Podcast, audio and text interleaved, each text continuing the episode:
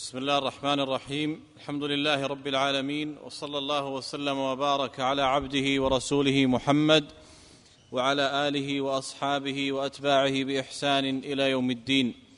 اللهم اغفر لنا ولشيخنا وللحاضرين والمستمعين يا رب العالمين. أما بعد فيقول الإمام البخاري رحمه الله تعالى باب إذا شرب الكلب في إناء أحدكم فليغسله سبعا. حدثنا عبد الله حدثنا عبد الله بن يوسف عن مالك عن أبي الزناد عن الأعرج عن أبي هريرة أن رسول الله صلى الله عليه وسلم قال إذا شرب الكلب في إناء أحدكم فليغسله سبعا حدثنا إسحاق قال أخبرنا عبد الصمد قال حدثنا عبد الرحمن ابن عبد الله بن دينار قال سمعت أبي عن أبي صالح عن أبي هريرة عن النبي صلى الله عليه وسلم أن رجلا رأى كلبا يأكل الثرى من العطش فأخذ الرجل خفه فجعل يغرف له به حتى أرواه فشكر الله له فأدخله الجنة. وقال أحمد بن شبيب حدثنا أبي عن يونس عن ابن عن ابن شهاب قال حدثني حمزة بن عبد الله عن أبيه قال كانت الكلاب تبول وتقبل وتدبر في المسجد في زمان رسول الله صلى الله عليه وسلم فلم يكونوا يرشون شيئا من ذلك حدثنا حفص بن عمر قال حدثنا شعبة عن, عن, عن ابن أبي السفر عن الشعبي عن عدي بن حاتم قال سألت النبي صلى الله عليه وسلم فقال إذا أرسلت كلبك المعلم فقتل فكل وإذا أكل فلا تأكل فإنما أمسك على نفسه. قلت أرسل كلبي فأجد معه كلبا آخر. قال فلا تأكل فإنما سميت على كلبك ولم تسمي على كلب آخر. نعم. الباب اللي مر الباب اللي فيه مر سعيد وعباد. عندك فيه في باب هو اللي بنبه عليه سعيد. أي نعم. الباب اللي في باب لا يتوضأ من الشك حتى يستيقن. إيه قال- ال- ال- ال- نعم في الأولى أي نعم في أول إيه نعم. إيه نعم أحسنت. إيه نعم. الحمد لله رب العالمين والصلاة والسلام على نبينا محمد وعلى آله وأصحابه وأتباعه بإحسان يوم الدين. سنبه إلى أنه في إلى بعض الأمور الأول في مر معنا في باب لا يتوضأ من الشك حتى يستيقن. الباب الرابع من كتاب الوضوء. الباب الرابع من كتاب الوضوء. أنه قال عن سعيد ابن المسيب الموجود عندنا وعن عباد. وعن عباد يعني هو في بعض النسخ سقط الواو والموجود هنا. وعن عباد ليست ساقطة. أنا ظننت أنها ساقطة. عندي ليست ساقطة. عندكم في الباب عن عباد ولا وعن عباد؟ في الباب ها؟ إيه في بعض النسخ أشار الحافظ إلى كما نبعني بعض إخواننا في بعض النسخ ساقطة الواو لكنها موجودة في النسخة هذه موجودة واضح أن قرأناه. وعن عباد نسختك وعن عباد ولا؟ عن عباد. لا عندي ونعم المقصود انها عن عن سعيد مسيب ها؟ وعن عباد بالواو حتى لأن سعيد سعيد مسيب لم يروي عن عباد إنما آه، سعيد مسيب عن الزهري عن سعيد هنا قال وعن عباد بن تميم ها من رواية الزهري عن عمه عن عمه عبد الله بن زيد. أما سعيد مسيب محتمل انها اخذها أيضا آه، عن عبد الله بن زيد ومحتمل أيضا أنه أرسله. والعمدة على سند عباد بن تميم. وكذلك آه، تقدم معنا في الباب الوضوء ثلاثا باب الوضوء ثلاثا بس ننبه إلى أنه في آخره عن إبراهيم بن صالح. باب أربع آه، رقم الباب أربعة ثلاثين أربعة وعشرين. أربعة وعشرين. الرابع الباب الرابع والعشرون من كتاب الوضوء في السنة في آخره أو في السطر الرابع أول السطر الرابع قبل الأخير وآخر السطر آه، الذي قبله وعن إبراهيم قال صالح. هذا وعن إبراهيم نسيت أنبه عليه هو متصل بالسند الذي قبل ليس معلق ليس معلقا لكن عطف على إبراهيم الذي في السند قبله فعلى هذا لا يكون معلقا يكون متصلا يكون متصلا. نعم. أيضا مر معنا فليح بن سليمان أيضا فليح بن سليمان. وفليح بن سليمان آه، لعلها أيضا مر معنا في الدرس ولعلنا ولعلي, نبهت في كتاب العلم إلى رواية البخاري عن فليح بن سليمان الخزاعي رحمه الله.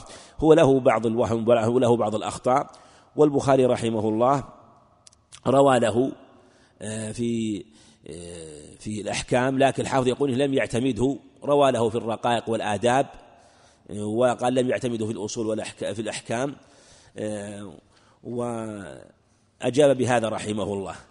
لكن إن كان كما هو إن كان كما ذكر الحافظ أيضا أنه روى له في باب الآداب والرقائق ونحوها فالمعنى أنه اعتمده أنه اعتمده أنه اعتمده وعلى هذا نجري على القاعدة أن البخاري رحمه الله في بعض الرواة الذين يتكلم فيهم يكون قد انتقى أخبارهم واختار منها وهذا معلوم من طريقة رحمه الله. مثل ما مر معنا في إسماعيل بن أبي أويس سيأتينا في بعض الروايات. إسماعيل بن أبي أويس متكلم فيه لكن البخاري رحمه ثبت عنه رحمه الله أنه اطلع على أصوله فانتقى من أحاديثه ما لم يغلط فيه وما لم يخطئ فيه وهذا معروف من البخاري رحمه الله كثير من الأئمة أنه ينتقي آه، من الأحاديث من له خطأ كما ذكر العلماء في رواية كثير من الحفاظ عن بعض من يعرف بالخطأ أو يكون مدلسا مثل عبادة عن عبد الله بن لهيعة مثل رواية الليث عن أبي الزبير وآخرون مثل رواية شعبة عن مشائخه آه، ثلاثة في آه، أنه انتقاء أحاديثه مما لم يدلسوا فيه ففليح أيضا هو من هذا الباب فيما يظهر. هذا الباب الذي ذكره باب إذا شرب ليس موجود في أكثر النسخ إنما وقع في رواية قول بن حافظ حافظ حجر وقع في رواية ابن عساكر. وهذا قد يكون أن ذكر الباب هنا ليس مناسبا لأن هذه الأحاديث ذكرها مرتبطة بالترجمة التي قبلها.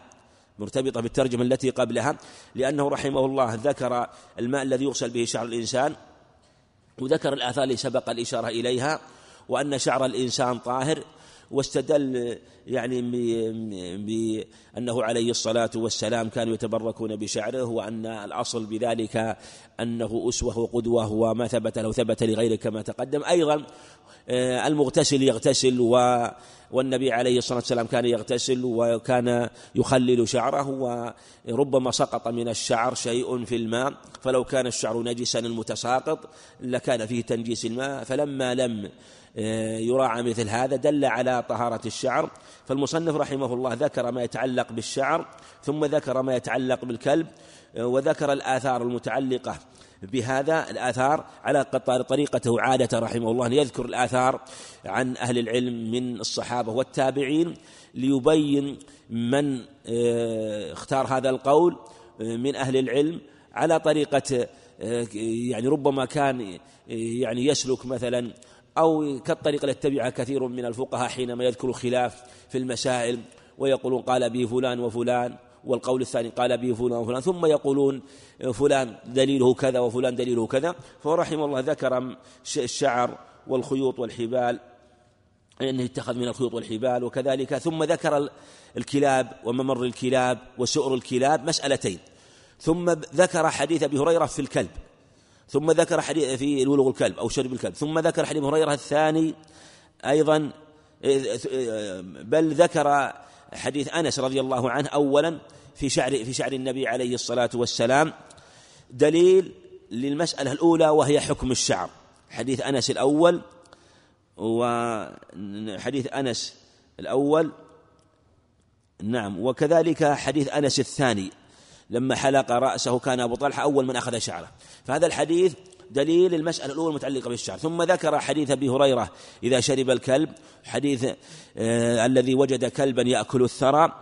كذلك حديث ابن عمر بعد ذلك في الكلب والكلاب تقبل وتدبر آه في مسجد رسول الله صلى الله عليه وسلم. وحديث عدي بن حاتم أيضا دليل للمسألة الثانية وما أشار إليه من طهارة الكلب.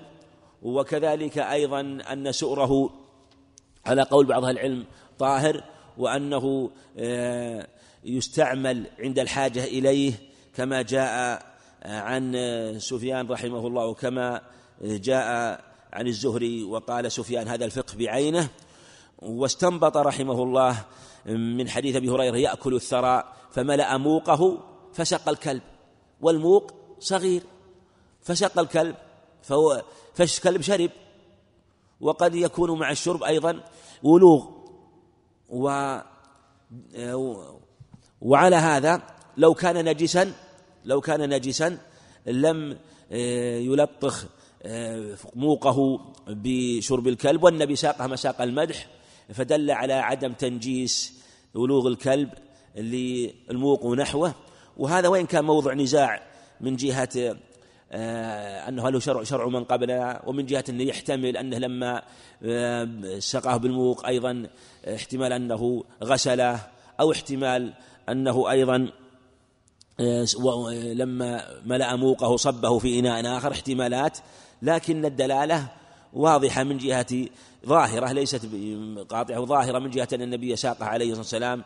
ومادحا له ومثل هذا يكون شرعا لنا عند جمع من العلم. ثم ذكر حديث ابن عمر في تقبل وتدبر وتبول كما في الرواية الثانية واستدل بها على طهارة بول الكلاب لا أيضا طهارة عين الكلاب بل بول الكلاب كما هو قول جمع من التابعين أن أن أبوال الحيوانات كلها طاهرة ولا دليل على نجاستها. فإذا كان بول الكلب طاهر فبو ف كذلك أيضا عينه وجسمه طاهر من باب أولى وجمهور العلماء على نجاسة بول ما لا يؤكل لحمه إنما النجاسة طهارة تكون في بول مأكول اللحم.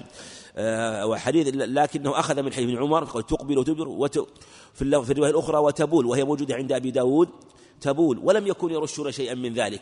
فكون لم يكن يرشون شيئا من ذلك يدل على الطهارة طهارة بول الكلى فإذا كان بوله طاهر فولوغه طاهر فعلى هذا يكون الأمر بغسل ولوغه من باب التعبد. ثم ذكر حديث أيضا عدي بن حاتم أيضا في أخذ الكلب ووجه الدلالة من جهة أنه إذا عض الكلب فإنه يصيب معضه آه، وإمساكه بنابه هذا الصيد ولا شك أنه يقع ولوغ فيه. وكل هذا استدلال به موضع نظر كله موضع استدلال لا يمكن أن بسط الكلام في مثل هذا كما لا يخفى. وجمهور أهل العلم على النجاسة مطلقا والصحيح نجاسة جوفه ومنه ولوغه وهذه الأخبار التي ذكرها لا دليل فيها. هذا وسبق يعني أو دلائل هذه المسألة ذكرت في موضع آخر آه، في أن ولوغ الكلب نجس والأحاديث فيها صريحة فليريقه طهور أحدكم آه، لكن ظاهره طاهر على الصحيح وهذا القول هو الوسط في هذه المسألة. أما قوله قال أحمد بن شبيب هذا وصله أبو داود وأبو داود والبيهقي رحمة الله عليهم. وجاء التبول في بعض روايات البخاري رواية البخاري في رواية إبراهيم بن معقل وهي عند أبي داود. وأحمد بن شبيب هو بن سعيد الحبطي وأبوه شبيب بن سعيد آه، عن يونس بن شهاب. عن يونس آه، هو بن يزيد. آه، نعم. وحمزة بن عبد الله بن عمر أخو سالم مشهور. من رواة غير حمزة المتأخر. نعم. قال رحمه الله وحفص بن عمر هو الأزدي أبو عمر الحوضي في السند الثاني وبقية السند ابن أبي السفر هو عبد الله بن أبي السفر الشعبي عامر بن شراحيل. نعم. قال رحمه الله باب من لم ير الوضوء إلا من المخرجين من القبل والدبر لقوله تعالى أو جاء أحد منكم من الغائط. وقال عطاء في من يخرج من دبره الدود أو من أو من ذكره نحو القملة يعيد الوضوء وقال جابر بن عبد الله إذا ضحك في الصلاة أعاد الصلاة للوضوء وقال الحسن إن أخذ من شعره أو أظفاره أو خلع خفيه فلا وضوء عليه وقال أبو هريرة لا وضوء إلا من حدث ويذكر عن جابر أن النبي صلى الله عليه وسلم كان في غزوة ذات الرقاع فرمي رجل بسهم فنزفه الدم فركع وسجد ومضى في صلاة. نعم في غزوة الرقاع. فرمي رجل بسهم, بسهم فنزفه الدم. محتمل فرمي أو فرمى. آه، ممكن. ضبط في الفتح موجود؟ أنا ما أنا ما رمى رمى. فرمي وش ضبط بضم ضبط إلى الشكل ولا كلام الحافظ؟ شو يقول؟ بضم الراء ها؟ إيه، زين. على هذا الشكل ماشي فرمي رجل. نعم. نعم. قال ويذكر عن جابر أن النبي صلى الله عليه وسلم كان في غزوة ذات الرقاع فرمي رجل بسهم فنزفه الدم فركع وسجد ومضى في صلاته. وقال الحسن ما زال المسلمون يصلون في جراحاتهم. وقال طاووس ومحمد بن علي وعطاء وأهل الحجاز ليس في الدم وضوء وعصر ابن عمر بثرة فخرج منها الدم ولم يتوضأ وبزق ابن أبي أوفى دما فمضى في صلاته. وقال ابن عمر والحسن في من يحتجم ليس عليه إلا غسل محاجمه. حدثنا آدم بن أبي إياس قال حدثنا ابن أبي ذئب قال حدثنا سعيد المقبري. عن أبي هريرة رضي الله عنه قال قال رسول الله صلى الله عليه وسلم لا يزال العبد في صلاة ما كان في المسجد ينتظر الصلاة ما لم يحدث. فقال رجل أعجمي ما الحدث يا أبا هريرة؟ قال الصوت يعني الضرطة.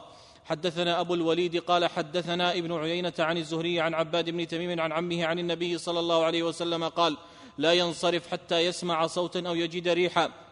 حدثنا قتيبة قال حدثنا جرير عن الأعمش عن منذر أبي يعلى الثوري عن محمد بن الحنفية قال قال علي كنت رجلا مذاء فاستحييت أن أسأل رسول الله صلى الله عليه وسلم فأمرت المقداد بن الأسود فسأله فقال فيه الوضوء. ورواه شعبة عن الأعمش. حدثنا سعد بن حفص قال حدثنا شيبان عن يحيى عن أبي سلمة أن عطاء بن يسار أخبره أن زيد بن خالد أخبره أنه سأل عثمان بن عفان قلت أرأيت إذا جامع فلم يمني؟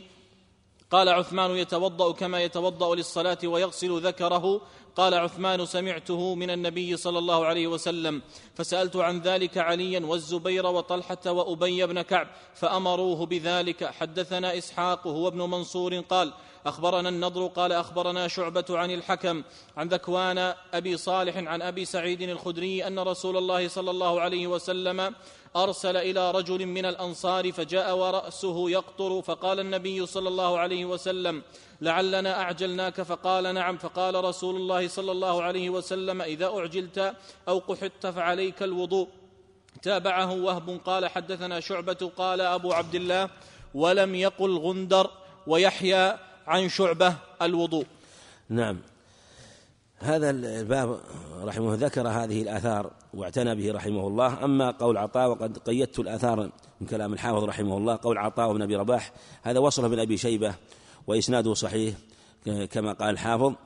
وكذلك قول جابر بن عبد الله إذا ضحك في الصلاة هذا وصله سعيد والدار قطني. وهو صحيح وقد روى الدار قطني مرفوعا لكن لا يصح لا يصح. وكذلك وقال حسن إن أخذ من شعره وأظفاره وخلع خفيه فلا وضوء عليه. هذا وصله سعيد منصور قال حافظ وهو صحيح. وكذلك قال به سليمان بن حرب. وقال أبو هريرة إلا وضوء إلا من صوت من حدث إلا من حدث هذا وصله إسماعيل القاضي وقد جاء مرفوعا من حديث عند أحمد وأبي داود والترمذي أنه عليه الصلاة والسلام قال لا وضوء إلا من صوت أو ريح. قول يذكر عن جابر هذا وصله أحمد وأبو داود وإسناده لا بأس به آه، إسناده لا بأس به من حديث جابر من حديث جابر بن عبد الله رضي الله عنهما وقوله قال الحسن ما زال المسلمون هذا وصله ابن أبي شيبة قال حافظ بإسناد صحيح. كذلك قول طاووس وصله ابن أبي شيبة وسنده صحيح. وقول محمد بن بن علي هذا آه، بن الحسين بن علي بن أبي طالب هذا وصل سموية وصله سموية في فوائده هذا له فوائد سموية أحد الحفاظ رحمة الله عليه. وكذلك وأهل الحجاز يعني قال هو هو أهل الحجاز أنه ليس في الدم وضوء. وقد حكى إسماعيل القاضي في كتاب الأحكام له عن الفقهاء السبعه أنهم لا يرون آه، فيه وضوءا. وقول عصر بن عمر وعبد الله بن بثرة يعني في بدنه فخرج من الدم ولم يتوضأ. هذا رواه ابن أبي شيبة بإسناد صحيح وكذلك بزق بن أبي أوفى آه، وفي دما دما في صلاته وكذلك وقال ابن عمر والحسن فيما يحتجم ليس عليه إلا غسل محاجمها. قول ابن أبي أوفى وصله أو ذكره سفيان رحمه الله في جامعه من روايته عن عطاء بن السائب ورواية سفيان عن عطاء رواية جيدة لأنه روى عنه قبل الاختلاط. و وقول ابن عمر والحسن في من يحتجم ليس عليه إلا غسل محاجمه معنى أنه لا يجب عليه الوضوء هذا وصله من أبي شيبة أيضا في مصنفه. وكذلك الآثار نعم. وهذه الآثار التي ذكر رحمه الله يستدل بها على أنه لا وضوء إلا من المخرجين لا وضوء إلا من المخرجين. و وهذا ذهب إليه جمع من أهل العلم وقالوا لا ينقض الوضوء من خروج الدم ولا خروج القيح وكذلك آه، ما أشبه ذلك. ومنهم أيضا النوم قالوا لا ينقض. و وعلى هذا نقول هذا القول في هذه المسألة اللي اختار رحمه الله هو الأصل وأن الأصل عدم الناقض كما هو قول جمع من أهل العلم وذكره عن عطاء. بل إن مالك رحمه الله قال إن ما يخرج غير معتاد لا ينقض أيضا. لكنه آه، ذكر عن عطاء أن الدود نحوه هذا ينقض الوضوء. كذلك يلحق به ما كان مظنة للحدث وجاءت بالأدلة به وهو النوم المستغرق. وكذلك نقول أيضا يلحق به أيضا أكل لحم الإبل فالأصل أن النواقض التي تكون من جهة من جهة الخارج مما يخرج لا مما يدخل مما يخرج لا ينقض إلا ما كان من المخرجين ما كان من المخرجين أو ما كان مظنة له وهو الصوت والريح وكذلك خروج البول والغائط وكذلك أيضا النوم آه، المستغرق ولهذا النوم ليس ناقضا بنفسه إنما لأنه مظنة للنقض. ثم مناسبة حديث أبي هريرة واضحة في هذا الباب إلا من صوت أو ريح فذكر معظم الأحداث ذكر معظم الأحداث التي آه، يعني تحصل للإنسان. وحديث علي رضي الله عنه قل كنت رجلا مذاء واضح من جهة دلالته لأنه مذي والمذي من النواقض لأنه خارج من أحد المخرجين. أما حديث زيد بن خالد مع ما ذكر فهو في من جامع ولم ولم ينزل ففيه لأنه في الغالب يحصل معه مذي يحصل معه مذي فناسب ذكره في هذا الباب من جهة أن المذي ناقض للوضوء آه، ناقض للوضوء. وكذلك حديث أبي سعيد الخدري كذلك لأن الإنزال لأن الجماع لا يخلو غالبا من من من من مذي. وعندهم إذا ما أوجب الجماع أوجب الغسل هذه مسألة فيها خلاف. آه، ثم أيضا نبين آه، أنه استقر الأمر على وجوب الغسل على وجوب الغسل لمن جامع ولم ينزل لمن جامع ولم ينزل واستقر على هذا آه، استقر الأمر على هذه المسألة. أما ما يتعلق برجال فتكرروا في أكثر الطرق السابقة يعني ليس فيه ما يشار إليه. وقوله هنا حدثنا قتيبة حدثنا جرير هو بن عبد الحميد في حديث علي كنت رجلا مذاعا وقوله عن منذر ها منذر أبي يعلى هذا آه، ثوري منذر آه، منذر بن يعلى أبو يعلى الثوري. ذكره بكنيته حتى يعين. هو منذر بن يعلى الثوري. وقوله رواه شعبة عن الأعمش ورواه شعبة عن الأعمش يعني مثل ما رواه جرير. هذا وصله الطيالسي وصله الطيالسي. في السند الذي بعد حدثنا سعد بن حفص هذا هو الطلحي مولاهم روى له البخاري. وبقية الأسانيد كلها تقدمت. وكذلك في آخره قال حدثنا تابعه وهب. متابعة وهب بن جرير وصلها يقول حافظ وصلها أبو العباس السراج في مسنده آه، من طريق من طريق زياد بن أيوب عنه. أما قوله ولم يقل قال أبو عبد الله هو البخاري ولم يقل غندر ويحيى عن شعبة. هذه متابعة غندر وصلها الإمام أحمد. بلفظ فلا غسل عليك عليك الوضوء ومتابعة يحيى وصلها أحمد بلفظ ليس عليك غسل. المقصود أنه رحمه الله أراد أن يقرر هذا الأصل وساق معه الآثار على قاعدته وطريقته أن يسوق الآثار ثم يسوق بعد ذلك الأدلة. نعم.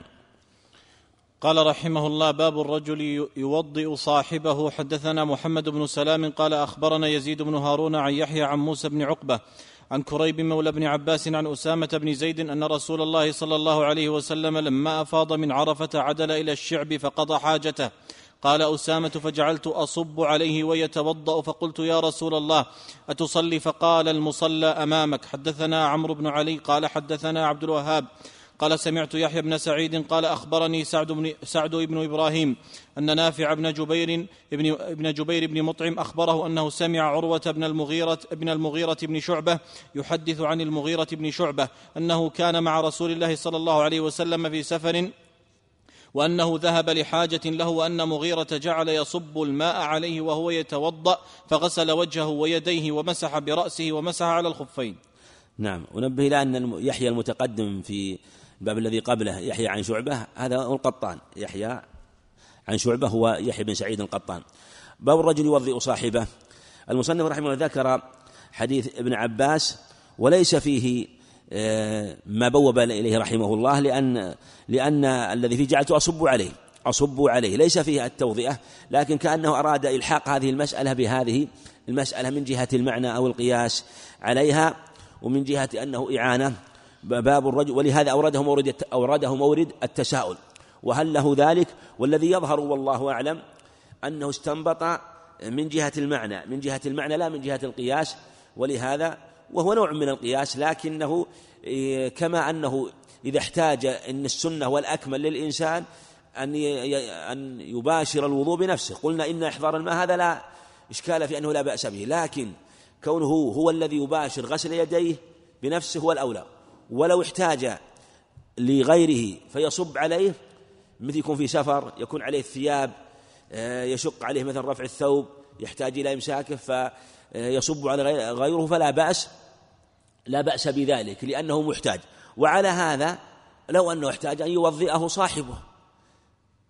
فإذا كان آه، فإذا كان في نفس الصب لا بأس به فكذلك أيضا مباشرة لأنه لا يستطيع أن يباشر العضو بأن يغسل يديه آه، لأسباب من الأسباب والماء موجود ويمكن يتوضأ بلا مضرة. ولا مشقة عليه لكن يحتاج من يباشر غسل. فلا بأس بذلك آه، من جهة المعنى. ولهذا بوب عليه رحمه الله وذكر نوعا من الإعانة على الوضوء. نعم. قال رحمه الله باب قراءة القرآن بعد الحدث وغيره. وقال منصور عن إبراهيم لا بأس بالقراءة في الحمام ويكتب الرسالة على غير وضوء. وقال حماد عن إبراهيم إن كان عليهم إزار فسلم وإلا فلا تسلم. حدثنا إسماعيل قال حدثني مالك عن مخرمة بن سليمان عن كريب مولى بن عباس أن عبد الله بن عباس أخبره أنه بات ليلة عند ميمونة زوج النبي صلى الله عليه وسلم وهي خالته فاضطجعت في عرض الوسادة. واضطجع رسول الله صلى الله عليه وسلم وأهله في طولها فنام رسول الله صلى الله عليه وسلم حتى انتصف الليل أو قبله بقليل أو بعده بقليل. استيقظ رسول الله صلى الله عليه وسلم فجلس يمسح النوم عن وجهه بيده ثم قرأ العشر الآيات العشر الآيات الخواتيم من سورة آل عمران ثم قام إلى شن معلقة فتوضأ منها فأحسن وضوءه ثم قام يصلي. قال ابن عباس فقمت فصنعت مثل ما صنع ثم ذهبت فقمت إلى جنبه فوضع يده اليمنى على رأسي وأخذ بأذني بأذني بأذن اليمنى يفتلها فصلى ركعتين ثم ركعتين ثم ركعتين ثم ركعتين ثم ركعتين ثم ركعتين ثم أوتر ثم اضطجع حتى أتاه المؤذن فقام فصلى ركعتين خفيفتين ثم خرج فصلى الصبح. وهذه الترجمة في قراءة القرآن بعد الحدث ثم ذكر الآثار يعني وغير الحدث قال وقال منصور بن المعتمر هذا وصله سعيد منصور عن أبي عوانة. آه، وقول لا بأس بالقراءة في الحمام. لا بأس بالقراءة في الحمام وهو موضع الاغتسال. موضع الاغتسال ليس المراد موضع الخلاء. ويكتب الرسالة. ويكتب الرسالة. أيضا عن إبراهيم نقل عن عن إبراهيم عن منصور نقل عن إبراهيم هذا ونقل عنه يكتب الرسالة. هذا وصله عبد الرزاق أنه لا بأس يكتب الرسالة والرسالة يكون فيها بسم الله ويكون فيها الذكر فلا بأس أن يذكر الله ولو على غير وضوء وقال حماد بن أبي سليمان فقيه الكوفي عن إبراهيم بن يزيد هذا وصله الثوري في جامعه ثم ذكر المصنف رحمه الله الدليل على القاعدة المتقدمة أنه يذكر الآثار آه، التي آه، يقول بها التي قال الآثار في المسألة التي اختار أهل العلم القول بها. ثم يذكر الدليل على هذا. قول حدثنا إسماعيل هو بن أبي أويس حدثنا مالك عن مخرم بن سليمان عن كريب عن مولى بن عباس أن عبد الله بن عباس الحديث. والشاهد منه أنه عليه الصلاة والسلام قام يمسح النوم عن وجهه وقرأ الآيات بعدما استيقظ من نومه عليه الصلاة والسلام. فدل على لا بأس من قراءة القرآن ولو كان الإنسان على غير وضوء و آه، واعترض عليه بأنه عليه الصلاة والسلام نومه لا ينقض الوضوء لا ينقض الوضوء فقالوا إن الدلالة فيه قاصرة لكن هذا وإن فيه نظر فيه يظهر ويتبين والله أعلم أننا نقول مأمورون بالاقتداء به عليه الصلاة والسلام وهو استيقظ من نومه وقرأ القرآن ولقد كما قال لقد كان لكم في رسول في رسول الله أسوة حسنة لما استيقظ وقرأ القرآن إذا يشرع لمن استيقظ من النوم أن يقرأ القرآن ويقرأ هذه الآيات يشرع أن يقرأها. فلو قال الإنسان لا لا تقرأها لأنك يشرع أن تتوضأ قبل. نقول قرأها النبي عليه الصلاة والسلام. قال طيب من خصائصه لا ينتقض الوضوء. قلنا لو كان هذا خاصا به عليه الصلاة والسلام. وأنه لا يقرأ القرآن إلا هو وغيره. إذا أراد أن يقرأ فالسنة له أن يتوضأ ويكون أولى وأكمل. نقول لبين عليه صلى ذلك لأن تأخير بيان وقت الحاجة لا يجوز. فلما سكت دل على أن أمته أسوة أن أمته أسوة أسوة فيه عليه الصلاة والسلام. وإن كان هو وضوءه لا ينتقض مع أنه آه، لا ندري قد يكون انتقض وضوءه بسبب آخر. ليس بسبب النوم. فلهذا نقول وجه الدلالة ظاهر. منه لا بأس من قراءة القرآن على غير وضوء ثم الأدلة في هذا أيضا معرومة ومعروفة. وإن كان الأكمل في حال الاختيار هو الوضوء لكن السنة الإنسان أن لا يترك سنة لا يترك سنة آه، إنسان أراد يذكر الله يقول أنا أريد أن أتوضأ ولا أذكر الله حتى أتوضأ نقول لا تذكر الله وترد السلام فإن أمكن أن أن تجمع بين بينهما بين الذكر والطهر أكمل. تفوت الذكر لأجل الطهر نقول لا لا تفوت هذه المصلحة فإن أمكن اجتماعه الحمد لله ما أمكن حصل ما تيسر ثم اجمع بينهما. نعم. صاركم الحدث الأصغر المراد به ولا؟ نعم. باب القراءة بعد الحدث مرادها الأصغر. نعم بعد الحدث الأصغر بعد الحدث الأصغر. ومن أهل العلم من قال يقرأ لكن الصحيح المراد به الحدث الأصغر لأنه لا يقرأ الجنوب لا يقرأ القرآن هذا هو الصحيح وإن خالف في هذا جماعة آه، من أهل العلم. نعم. قال رحمه الله باب من لم يتوضأ إلا من الغش المثقل. حدثنا إسماعيل قال حدثني مالك عن هشام بن عروة عن امرأته فاطمة عن عن جدتها أسماء بنت أبي بكر أنها قالت أتيت عائشة زوج النبي صلى الله عليه وسلم حين خسفت الشمس فإذا الناس قيام يصلون وإذا هي قائمة تصلي فقلت ما للناس؟ فأشارت بيدها نحو السماء وقالت سبحان الله. فقلت آية فأشارت النعم فقمت حتى تجلاني الغشي, الغشي وجعلت أصب فوق رأسي ماء. فلما انصرف رسول الله صلى الله عليه وسلم حمد الله وأثنى عليه ثم قال ما من شيء كنت لم أره إلا قد رأيته في مقامي هذا. حتى الجنة والنار ولقد أوحي إلي أنكم تفتنون في القبور مثل أو قريبا من فتنة الدجال. لا أدري أي ذلك قالت أسماء. يؤتى أحدكم فيقال له ما علمك بهذا الرجل؟ فأما المؤمن أو الموقن لا أدري أي ذلك قالت أسماء فيقول هو محمد رسول الله جاءنا بالبينات والهدى فأجبنا وآمنا واتبعنا فيقال نعم فيقال نم صالحا فقد علمنا إن كنت لموقنا. وأما المنافق أو المرتاب لا أدري أي ذلك قالت أسماء فيقول لا أدري سمعت الناس يقولون شيئا فقلته. نعم. باب من لم يتوضأ إلا من الغش المثقل. إشارة إلى الرد على من أوجب الوضوء من الغشية الغشي الخفيف. وأنه لا يجب مثل ما مثل الدوخة ما يسمى الدوخة الإنسان ربما يعرض للشيء هو دوخ نحو ذلك فهذه لا توجب الوضوء حتى يكون الغشي المثقل وهو الإغماء وما في معناه. ولهذا أسماء رضي الله عنها صبت على رأس على رأسها الماء ولم تتوضأ وهي في عهد النبي عليه الصلاة والسلام فدل على أنه ليس بناقض للوضوء. وهذا واضح من من في مطابقة الحديث للترجمة. الإسناد ما فيه إلا أنه عن هشام بن عروة عن امرأته. امرأة فاطمة بنت المنذر ابن الزبير ابنة عمه ابن المنذر بن الزبير عمه عن جدة أسماء بنت أبي بكر رضي الله عنها. نعم. قال رحمه الله باب مسح الرأس كله لقوله تعالى وامسحوا برؤوسكم وقال ابن المسيب المرأة, المرأة بمنزلة الرجل تمسح على رأسها وسئل مالك أيجزئ أن يمسح بعض الرأس؟ فاحتج بحديث عبد الله بن زيد. حدثنا عبد الله بن يوسف قال أخبرنا مالك عن عمرو بن يحيى المازني عن أبيه أن رجلا قال لعبد الله بن زيد وهو جد عمرو بن يحيى أتستطيع أن تريني كيف كان رسول الله صلى الله عليه وسلم يتوضأ؟ فقال عبد الله بن زيد نعم فدعا بماء فأفرغ على يديه فغسل مرتين ثم مضمض واستنثر ثلاثا. ثم غسل وجهه ثلاثا ثم غسل يديه مرتين مرتين إلى المرفقين ثم مسح رأسه بيديه فأقبل بهما وأدبر بدأ بمقدم راسه حتى ذهب بهما إلى قفاه ثم ردهما إلى المكان الذي بدأ منه ثم غسل رجليه. وهذا فيه إيجاب مسح الرأس كله. قوله وامسحوا برؤوسكم.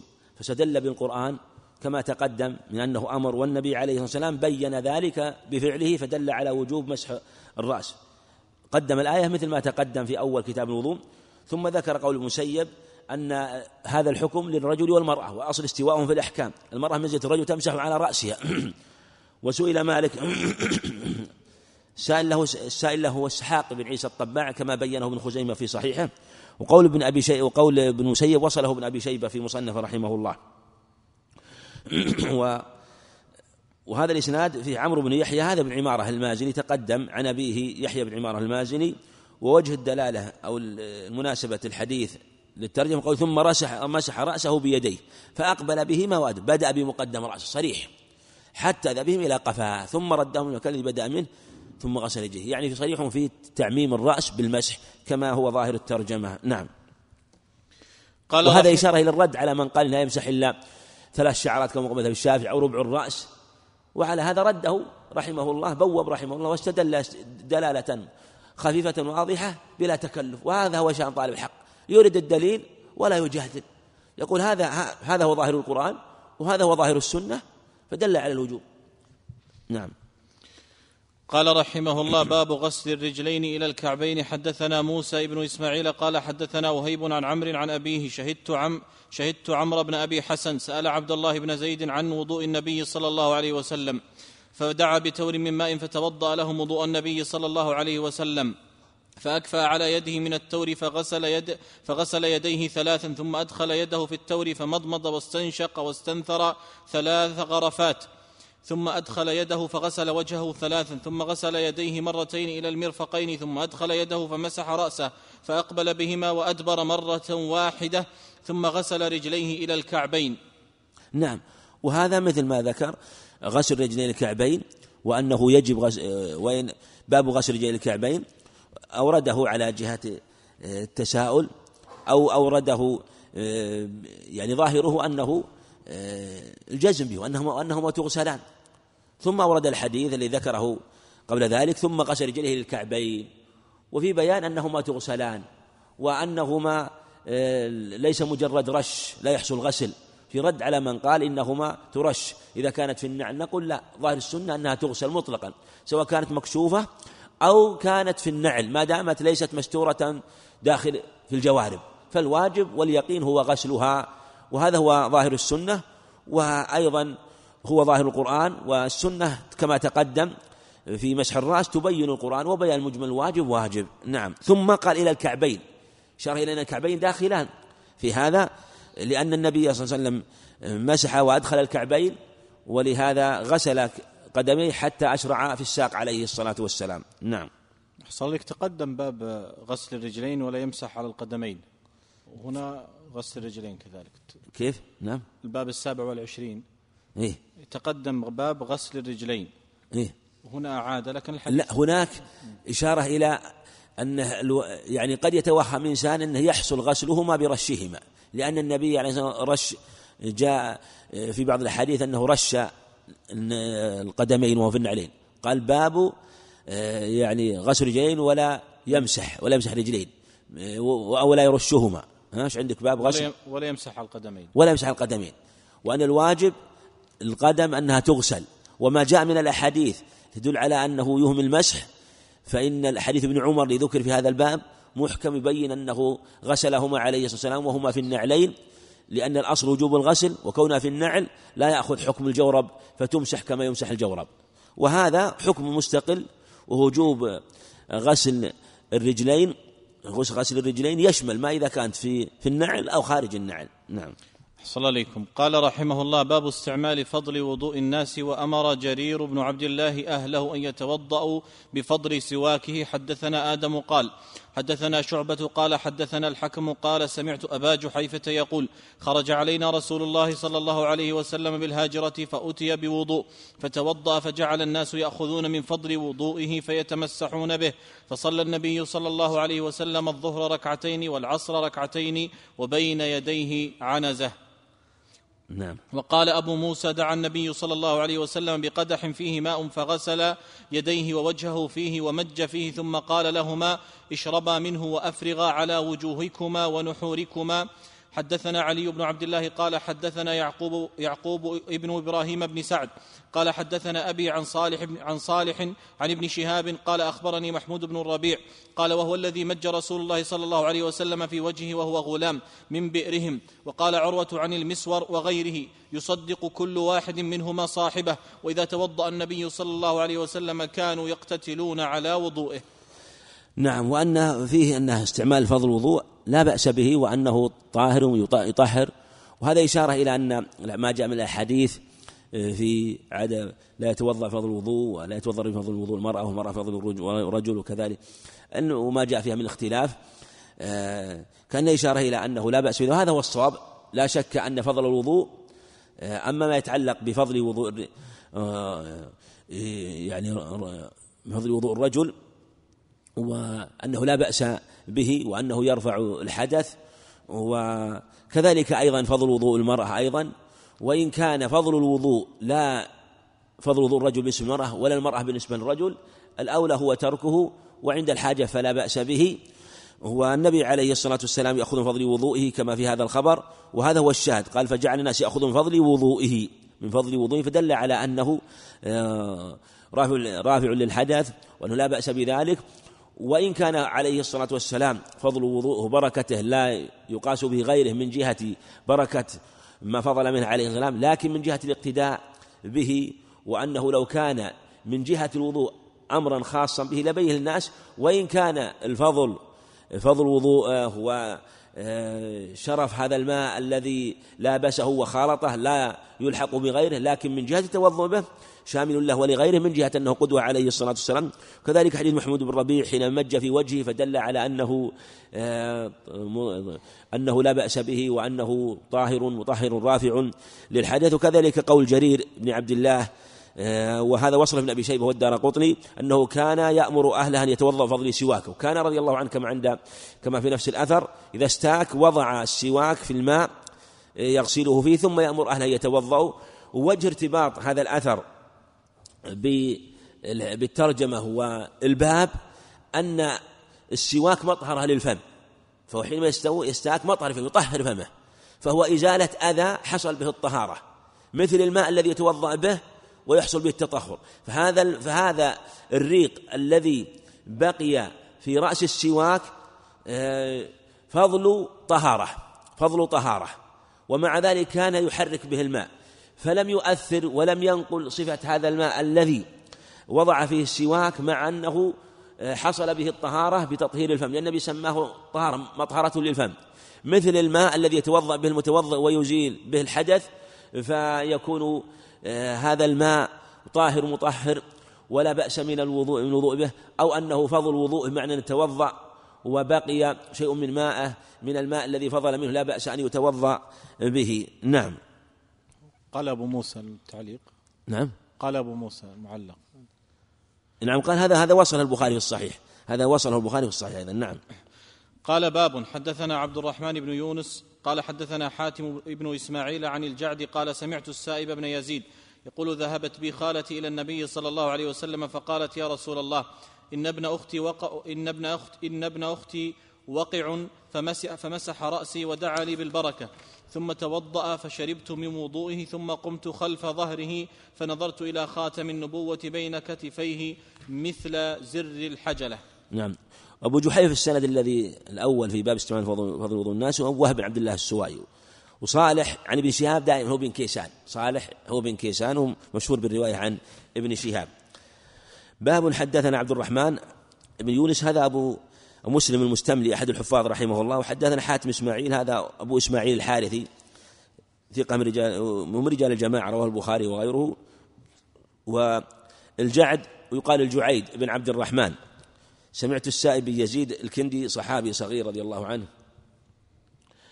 نعم. وهذا الحديث في قوله باب.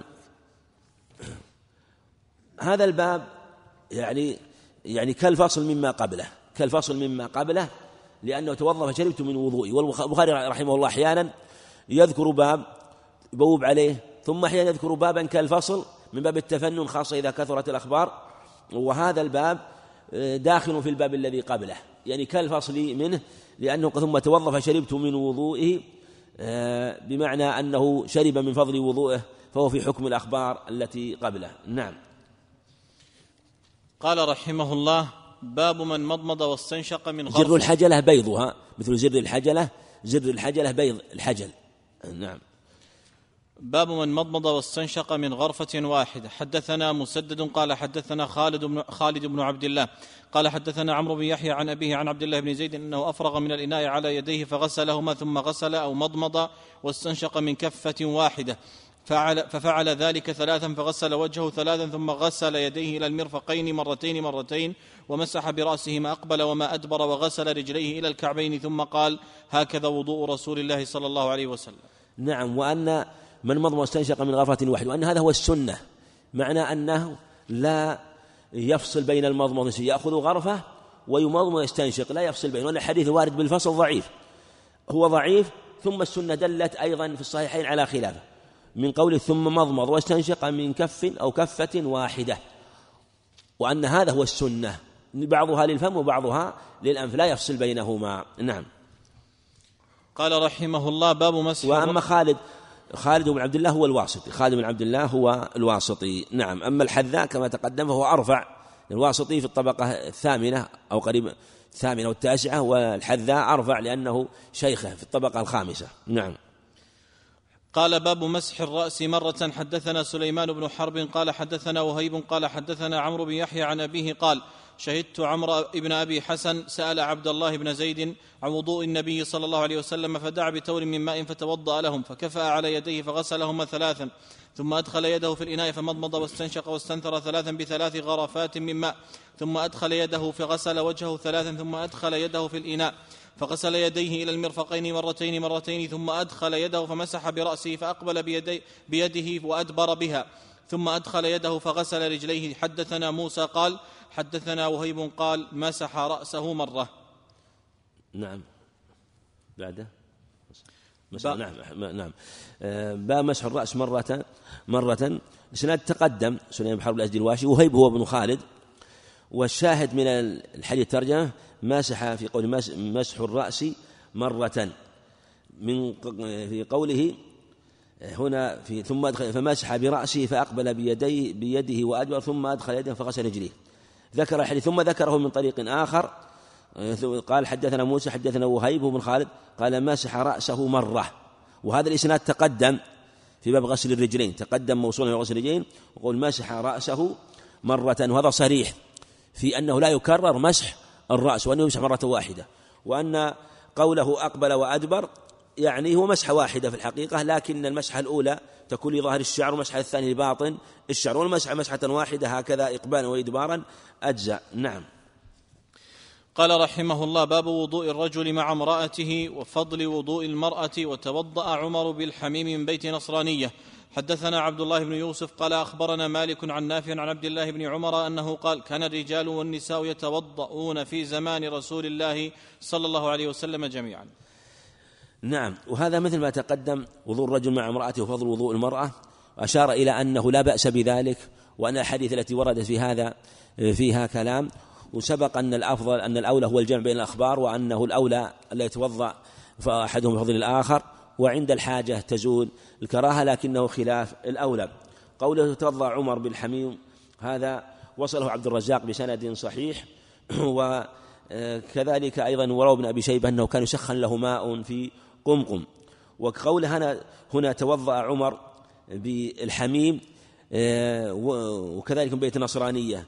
وجه إدخال هذا الأثر في الترجمة كأنه والله أعلم أنه حينما يتوضأ بالحميم وهو الماء الحار أنه يسخن له الماء والماء يسخن لأهل البيت يسخن لأهل البيت. فكأنه حينما توضأ من هذا الماء الحار آه، رضي الله عنه فيبقى منه فضل وفي الغالب أن أهله تبع له ويحتاجون أن يتوضأوا من هذا فدل على جواز توضأ آه، الرجل المرأة فضل الرجل وأهله تبع تبع له. كذلك قولهم بيتي نصرانية من بيت نصرانية إما أنه إذا كان توضأ من بيت نصرانية فالمسلم من باب أولى لأن الذي النصرانية في الغالب تلابس هذا الماء وتكون أصابت فإذا جاز الوضوء من من من فضل النصرانية فالوضوء من فضل المرأة. أولى أو يكون أيضا آه، أيضا أن هذه النصرانية أن هذه النصرانية يكون زوجها أيضا لها زوج مسلم هو زوج مسلم ولا يخلو أن تخالط الماء ومع ذلك لا لا بأس أن يتوضأ بهذا الماء زوجها المسلم. فالمعنى أن أن هذا من باب الأولى والأكمل. ثم ذكر الحديث حديث ابن عمر كان الرجال والنساء يتوضؤون في زمن رسول الله صلى الله عليه وسلم جميعا وأن هذا الفضل بينهما لا حينما يفضل يتوضأ الرجال يعني جميعا في نفس المكان يعني يتوضأ هؤلاء في نفس المكان. ثم بعد ذلك إذا آه، توضأوا توضأ النساء من نفس الآنية التي توضأ منها الرجال أو الرجال من نفس يتوضأ منها النساء وفي الغالب أنه يفضل ماء من هؤلاء لهؤلاء ومن هؤلاء من هؤلاء فدل على أنه لا بأس به. نعم. قال رحمه الله باب صب النبي صلى الله عليه وسلم وضوءه على المغمى عليه. حدثنا أبو الوليد قال حدثنا شعبة عن محمد بن المنكدر قال سمعت جابرا يقول جاء رسول الله صلى الله عليه وسلم يعودني وأنا مريض لا أعقل فتوضأ وصب علي من وضوئه فعقلت فعقلت فقلت يا رسول الله لمن الميراث؟ إنما يرثني كلاله. فنزلت آية الفرائض. نعم.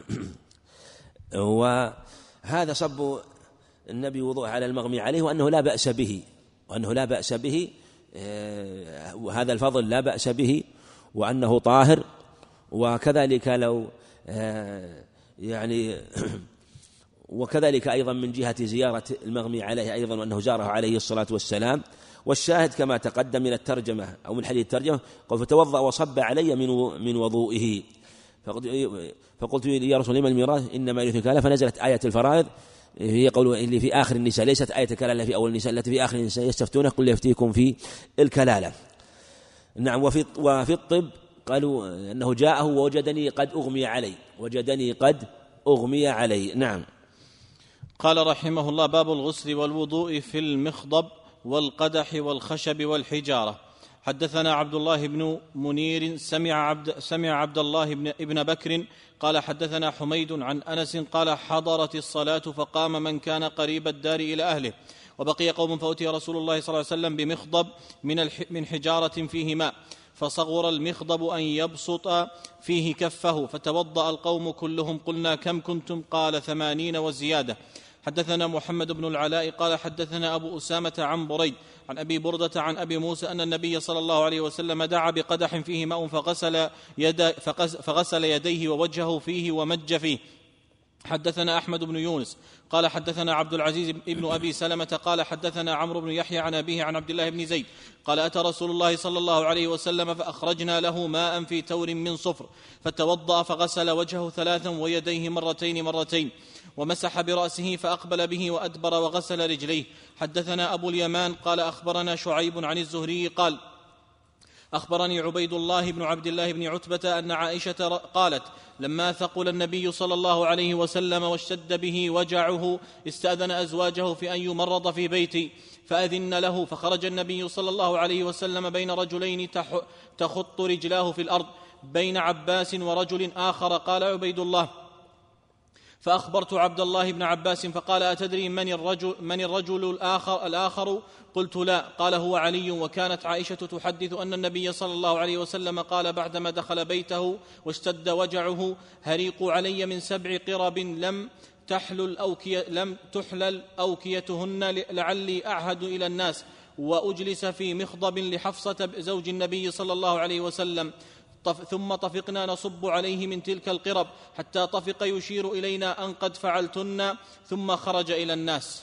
نعم وهذه الترجمة إشارة إلى أن الأصل هو جواز الوضوء من أي إناء سواء كان من حجارة من جلود من خشب من زجاج نبوب عليها. ثم ذكر الأخبار في هذا الباب ثم ذكر خبرا أيضا بعد ذلك.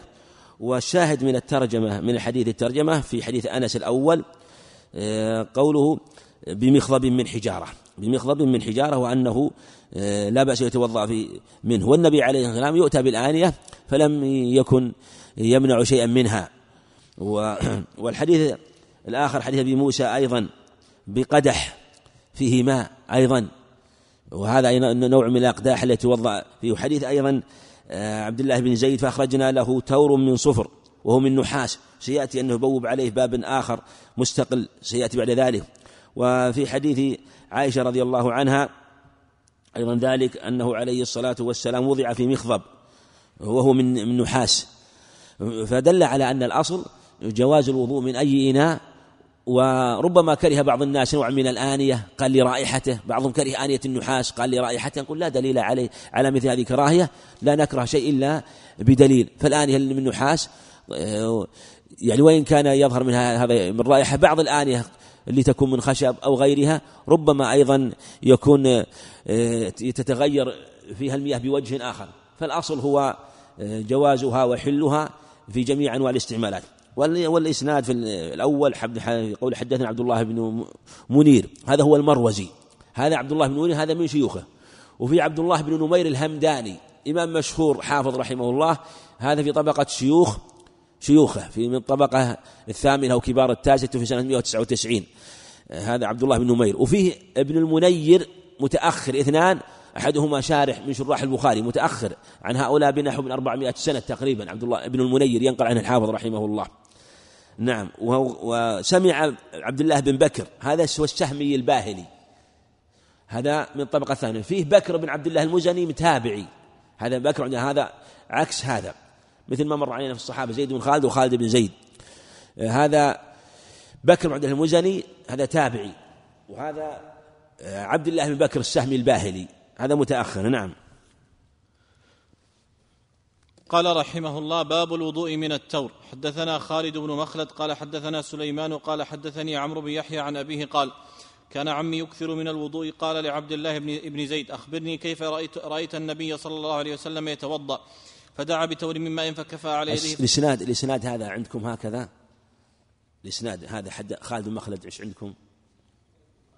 ها؟ عندكم خالد خالد بن مخلد حدثنا؟ كلها سليمان. إيه، سليمان نعم بلال. هو سليمان بن بلال. نعم كمل.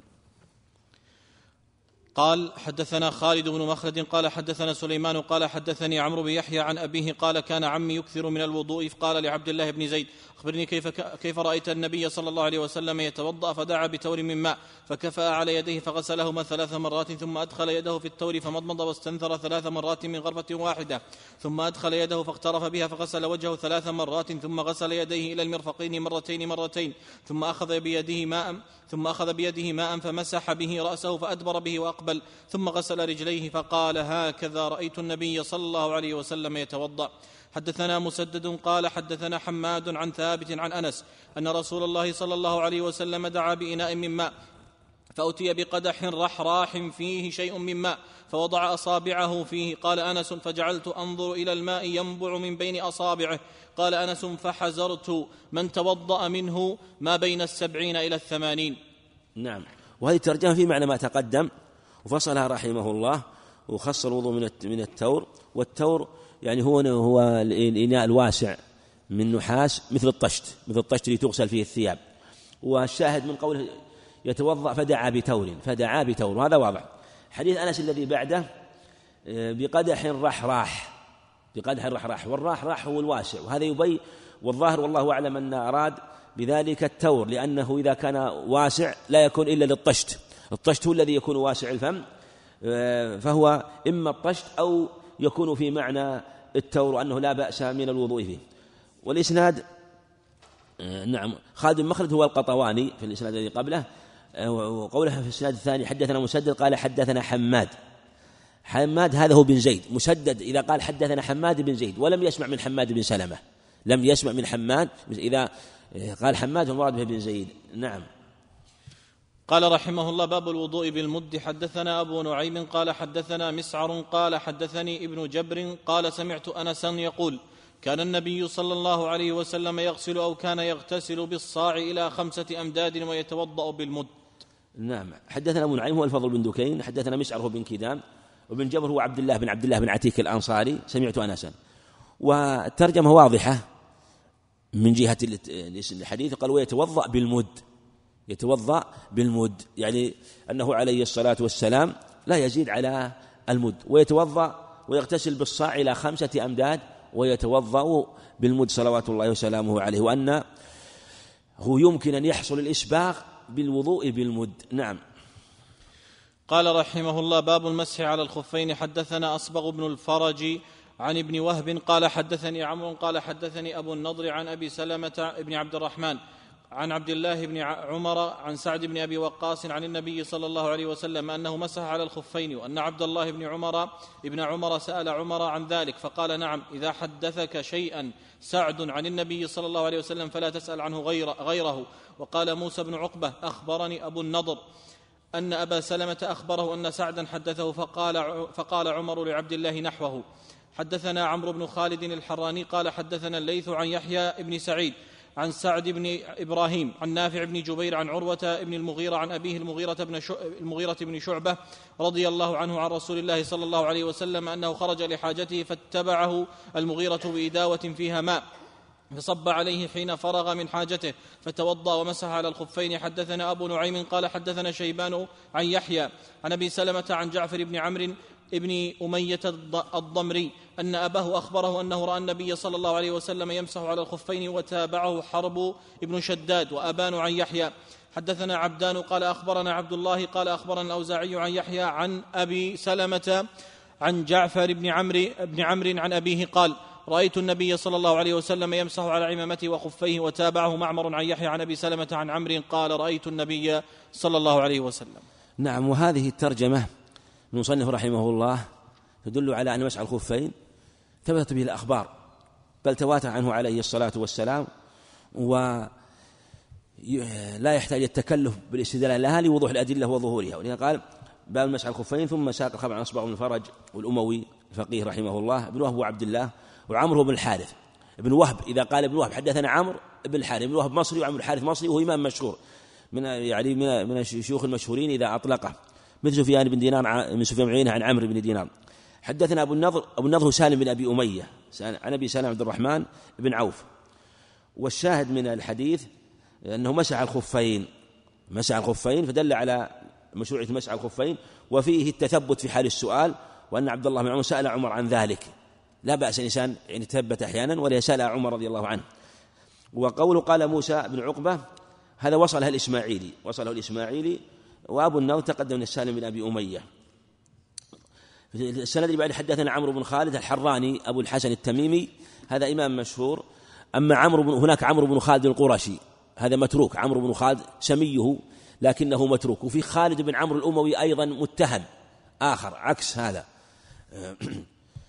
الليث بن سعد يحيى بن سعيد عن سعد بن إبراهيم عن نافع بن جبير.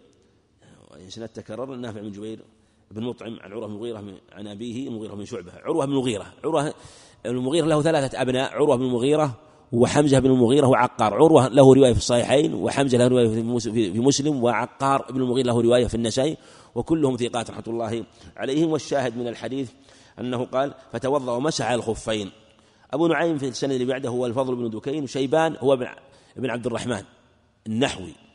عن يحيى بن أبي كثير عن أبي سلامة هو المتقدم بن عبد الرحمن عن جعفر بن عمرو أمية الضمري أنه رأى النبي صلى الله عليه وسلم يمسح الخفين كما تقدم في الأخبار قبله وتابعه حرب حرب بن شداد أبو الخطاب اليشكري وهذه متابعة وصلها النسائي وأبانه بيزيد العطار وهذه وصلها الإمام أحمد وصلها الإمام عن يحيى المتقدم آه، في يحيى بن أبي كثير. حدثنا عبدان عبدان هذا لقب له ومشهور بهذا اللقب عبد الله بن عثمان بن جبلة العتكي رحمه الله ويروي أحيانا عن أبيه عند البخاري. أحيانا البخاري يقول حدثنا عبدان قال حدثني أبي وأبوه آه هو عبد الله عثمان بن جبلة العتكي. الاوزاعي عبد الرحمن عمرو نعم وهذا إسناد تقدم يمسح على عمامته وخفيه وهذا مثل ما تقدم في الطريق الذي قبله. وتابعه معمر أي تابع معمر الأوزاعي في روايته عن يحيى وهذه يقول حافظ وصلها ابن منده آه، في كتاب الطهارة وكذا عبد الرزاق عن معمر وكذا عبد الرزاق لكن بدون ذكر العمامة. فالأحاديث متضافرة مجتمعة على مشروعية المسح على الخفين. نعم. قال رحمه الله باب إذا أدخل رجليه وهما طاهرتان. حدثنا أبو نعيم قال حدثنا زكريا عن عامر عن عروة بن المغيرة. عن أبيه قال كنت مع النبي صلى الله عليه وسلم في سفر فأهويت لأنزع خفيه فقال دعهما فإني أدخلتهما طاهرتين فمسح عليهما. نعم. وهنا زكريا بن أبي زائدة. زكريا هو ابن أبي زائدة. زكريا إذا أطلق عامر هو الشعبي يروي عنه كثيرا واشتهر في الرواية عنه. عامر بن شراحيل الشعبي وعروة بن المغيرة تقدم عن أبيه قال دعهما فإني أدخلتهما طاهرتين فمسح عليهما. وهذا واضح وأنهما اشترطوا لمسح عليهما أن يدخلهما أو أن يتوضأ أن يتوضأ ثم يلبس الخفين أو الجوربين. والصحيح سواء لبسهما بعد الفراغ أو توضأ غسل اليمنى ثم لبس ثم ثم بعد ذلك غسل اليسرى ثم لبس الجورب. نعم. قال باب من لم يتوضأ من لحم الشاة والسويق وأكل أبو بكر وعمر وعثمان رضي الله عنهم فلم يتوضأوا. حدثنا عبد الله بن يوسف قال أخبرنا مالك عن زيد بن أسلم عن عطاء بن يسار عن عبد الله بن عباس أن رسول الله صلى الله عليه وسلم أكل أكل أكل كتف شاة ثم صلى ولم يتوضأ. حدثني يحيى بن بكير قال قال حدثنا الليث عن عقيل عن ابن شهاب قال أخبرني جعفر بن عمرو بن عمرو بن أمية أن أباه عمرا أخبره أن رسول الله صلى الله عليه وسلم يحتز من كتف شاة فدعي إلى الصلاة فألقى السكين فصلى ولم يتوضأ. نعم من لم يتوضأ من لحم الشاة والسويق. هو ذكر السويق ولم يذكر الحديث إنما ذكر أكل كتف شاة وكأنه من باب الأولى أنه إذا, لا إذا لم يتوضأ من لحم الشاة فالسويق من باب أولى لأن الدسم موجود في لحم الشاة ليس مثل الدسم موجود في المقلي من الحبوب آه، التي تقلى وتؤكل فإن أثر آه، الدسم واللحم أبلغ من أثر السويق فإذا لم يتوضأ من لحم الشاة فالسويق من باب أولى وهذا من باب التنبيه منه رحمه الله. هو آه، عطف السويق على الشاة وذكر الحديث في الشاة في الأول والذي بعده. فيريد ينبه رحمه الله أنه ينظر في المعاني وأن الشريعة جاءت بالحكم والمعاني فإذا لم يتوضأ من لحم الشاة فالسويق من باب أولى. ثم هو رحمه الله صدر الترجمة بقول وكان وأكل أبو بكر وعمر وعثمان رضي الله عنهم فلم يتوضأوا. وهذا وصله الطبراني في الشاميين بإسناد حسن كما قال الحافظ. وهذا منه إشارة إلى أن الصحابة رضي الله عنهم لم يتوضأوا. منه لم يتوضأوا منه. وهذه قاعدة عند بعض العلم يستعملها أبو داود رحمه الله. بل قال أبو داود إذا اختلف اختلفت الأحاديث عن النبي عليه الصلاة والسلام نظرنا فيما فعله الصحابة. إذا اختلفت الأحاديث وأشكلت علينا نظرنا فيما فعله الصحابة. فالصحابة رضي الله عنهم خاصة هؤلاء الخلفاء الخلفاء الراشدون الثلاثة لم يتوضأوا فدل على أنه ليس بواجب.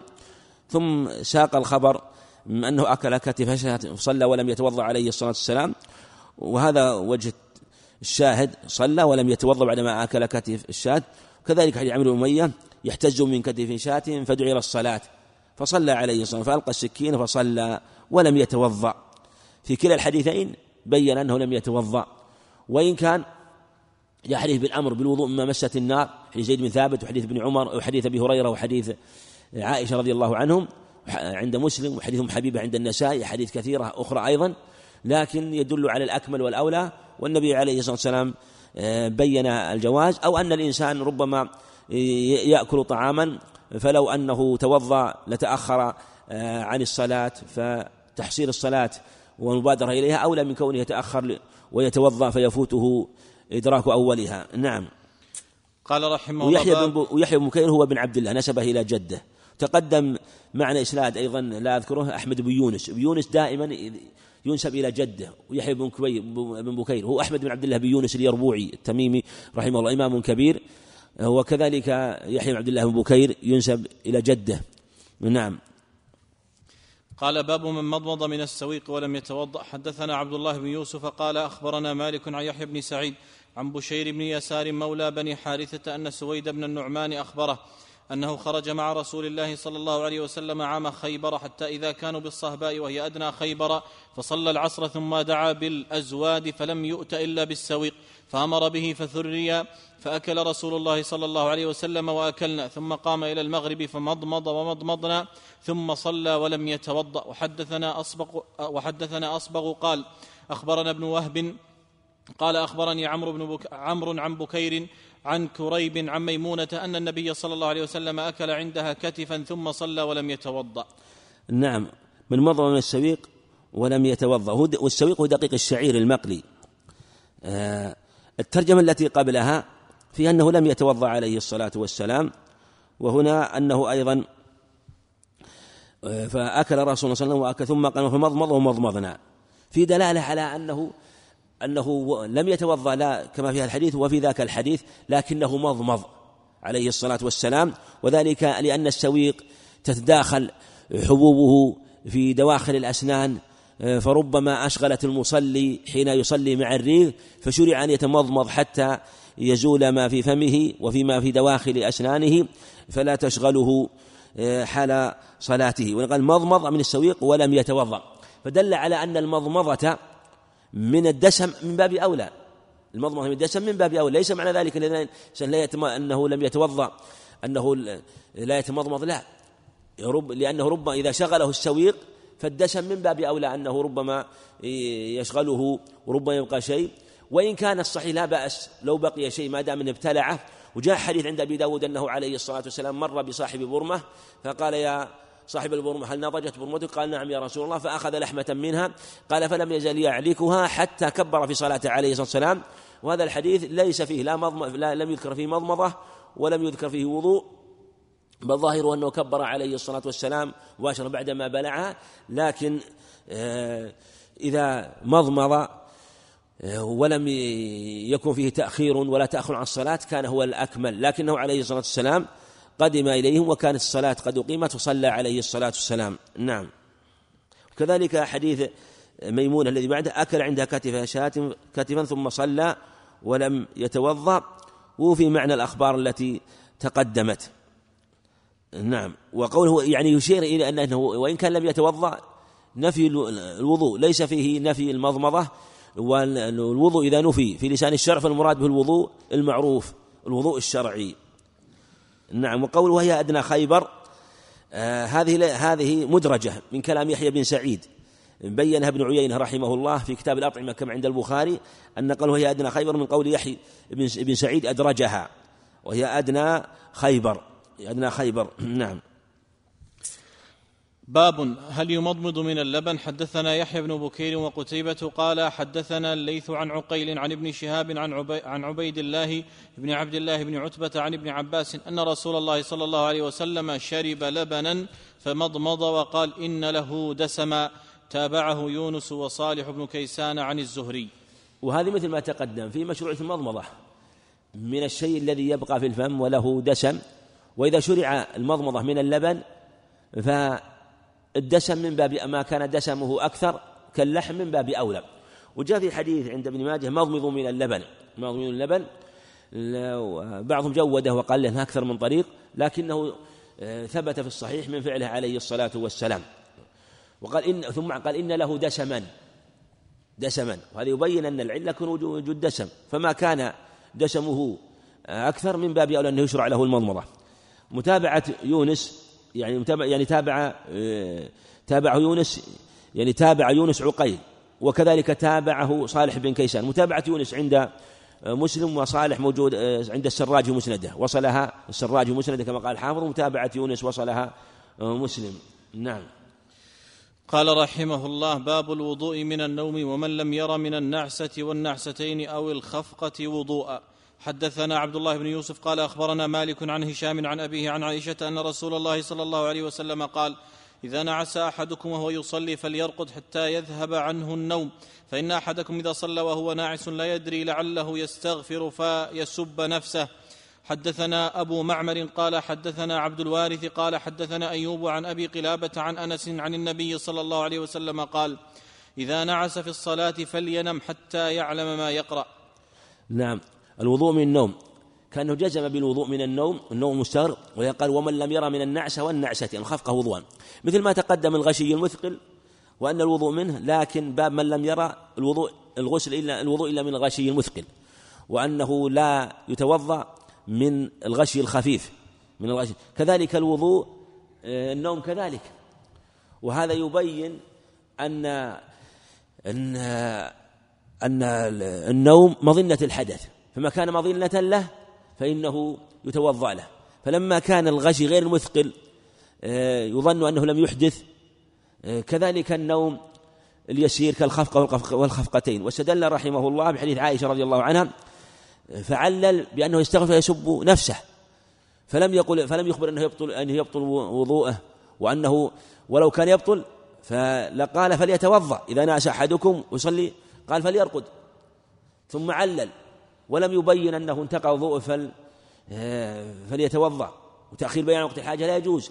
فالمعنى لا يستمر في صلاته لأن انتقض وضوءه كذلك الحديث الثاني علل فإنه حتى يعلم ما يقرأ فدل على أن الخفقة والخفقتين لا تنقض الوضوء. هذه ورد في أخبار كثيرة عنه عليه الصلاة والسلام. وهذا منه رحمه الله اختصار للمسألة. وإختيار في مسألة النوم الناقض وعدم الناقض. نعم.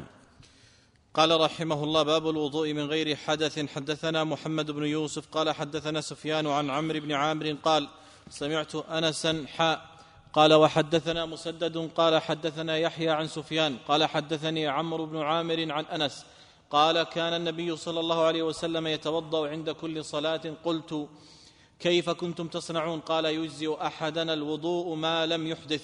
حدثنا خالد بن مخلد قال حدثنا سليمان قال حدثني يحيى بن سعيد قال أخبرني بشير بن يسار قال أخبرني سويد بن النعمان قال خرجنا مع رسول الله صلى الله عليه وسلم عام خيبر حتى إذا كنا بالصهباء صلى لنا رسول الله صلى الله عليه وسلم العصر فلما صلى دعا بالأطعمة فلم يؤت إلا بالسويق فأكلنا وشربنا ثم قام النبي صلى الله عليه وسلم إلى المغرب فمضمض ثم صلى لنا المغرب ولم يتوضأ.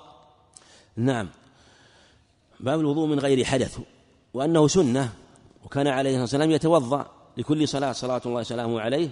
لكن اختلف العلماء يكون مشروعا. ليس مع أنه يعني يتوضأ ثم إذا صلى ركعتين توضأ. لا هذا لا يشرع. لكن اختلف العلماء متى تشرع يشرع الوضوء على طهارة. محمد بن يوسف الفريابي وسفيان الثوري آه، وتقدم معنا أن أن سفيان محمد محمد يوسف وسفيان يحتمل أن البيكندي وأنه هو الفريابي وسفيان بن عيينة هو الثوري لكن عمرو بن عامر الأنصاري لم يروي عنه ابن عيينة إنما روى عنه الثوري. كما في تهذيب الكمال فتعين أن محمد بن يوسف هو الفريابي. إذا كان سفيان هو الثوري محمد بن يوسف هو الفريابي كما تقدم.